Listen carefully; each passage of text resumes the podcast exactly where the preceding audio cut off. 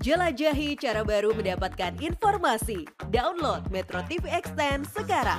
Pemirsa untuk menanggulangi polusi udara di Jakarta, penjabat atau PJ Gubernur DKI Jakarta Heru Budi Hartono mewajibkan ratusan gedung memiliki perangkat pompa bertekanan tinggi untuk digunakan menyemprot air dari puncak gedung.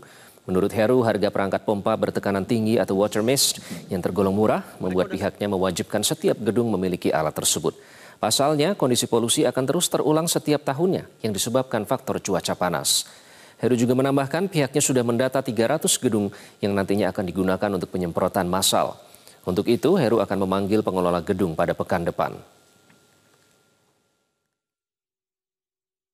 Dari data yang saya terima per hari ini adalah 300 sekian gedung.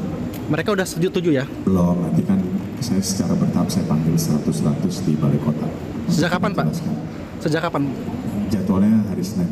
Ada Senin. Senin, Senin, Selasa, Rabu. Tapi nggak tahu kalau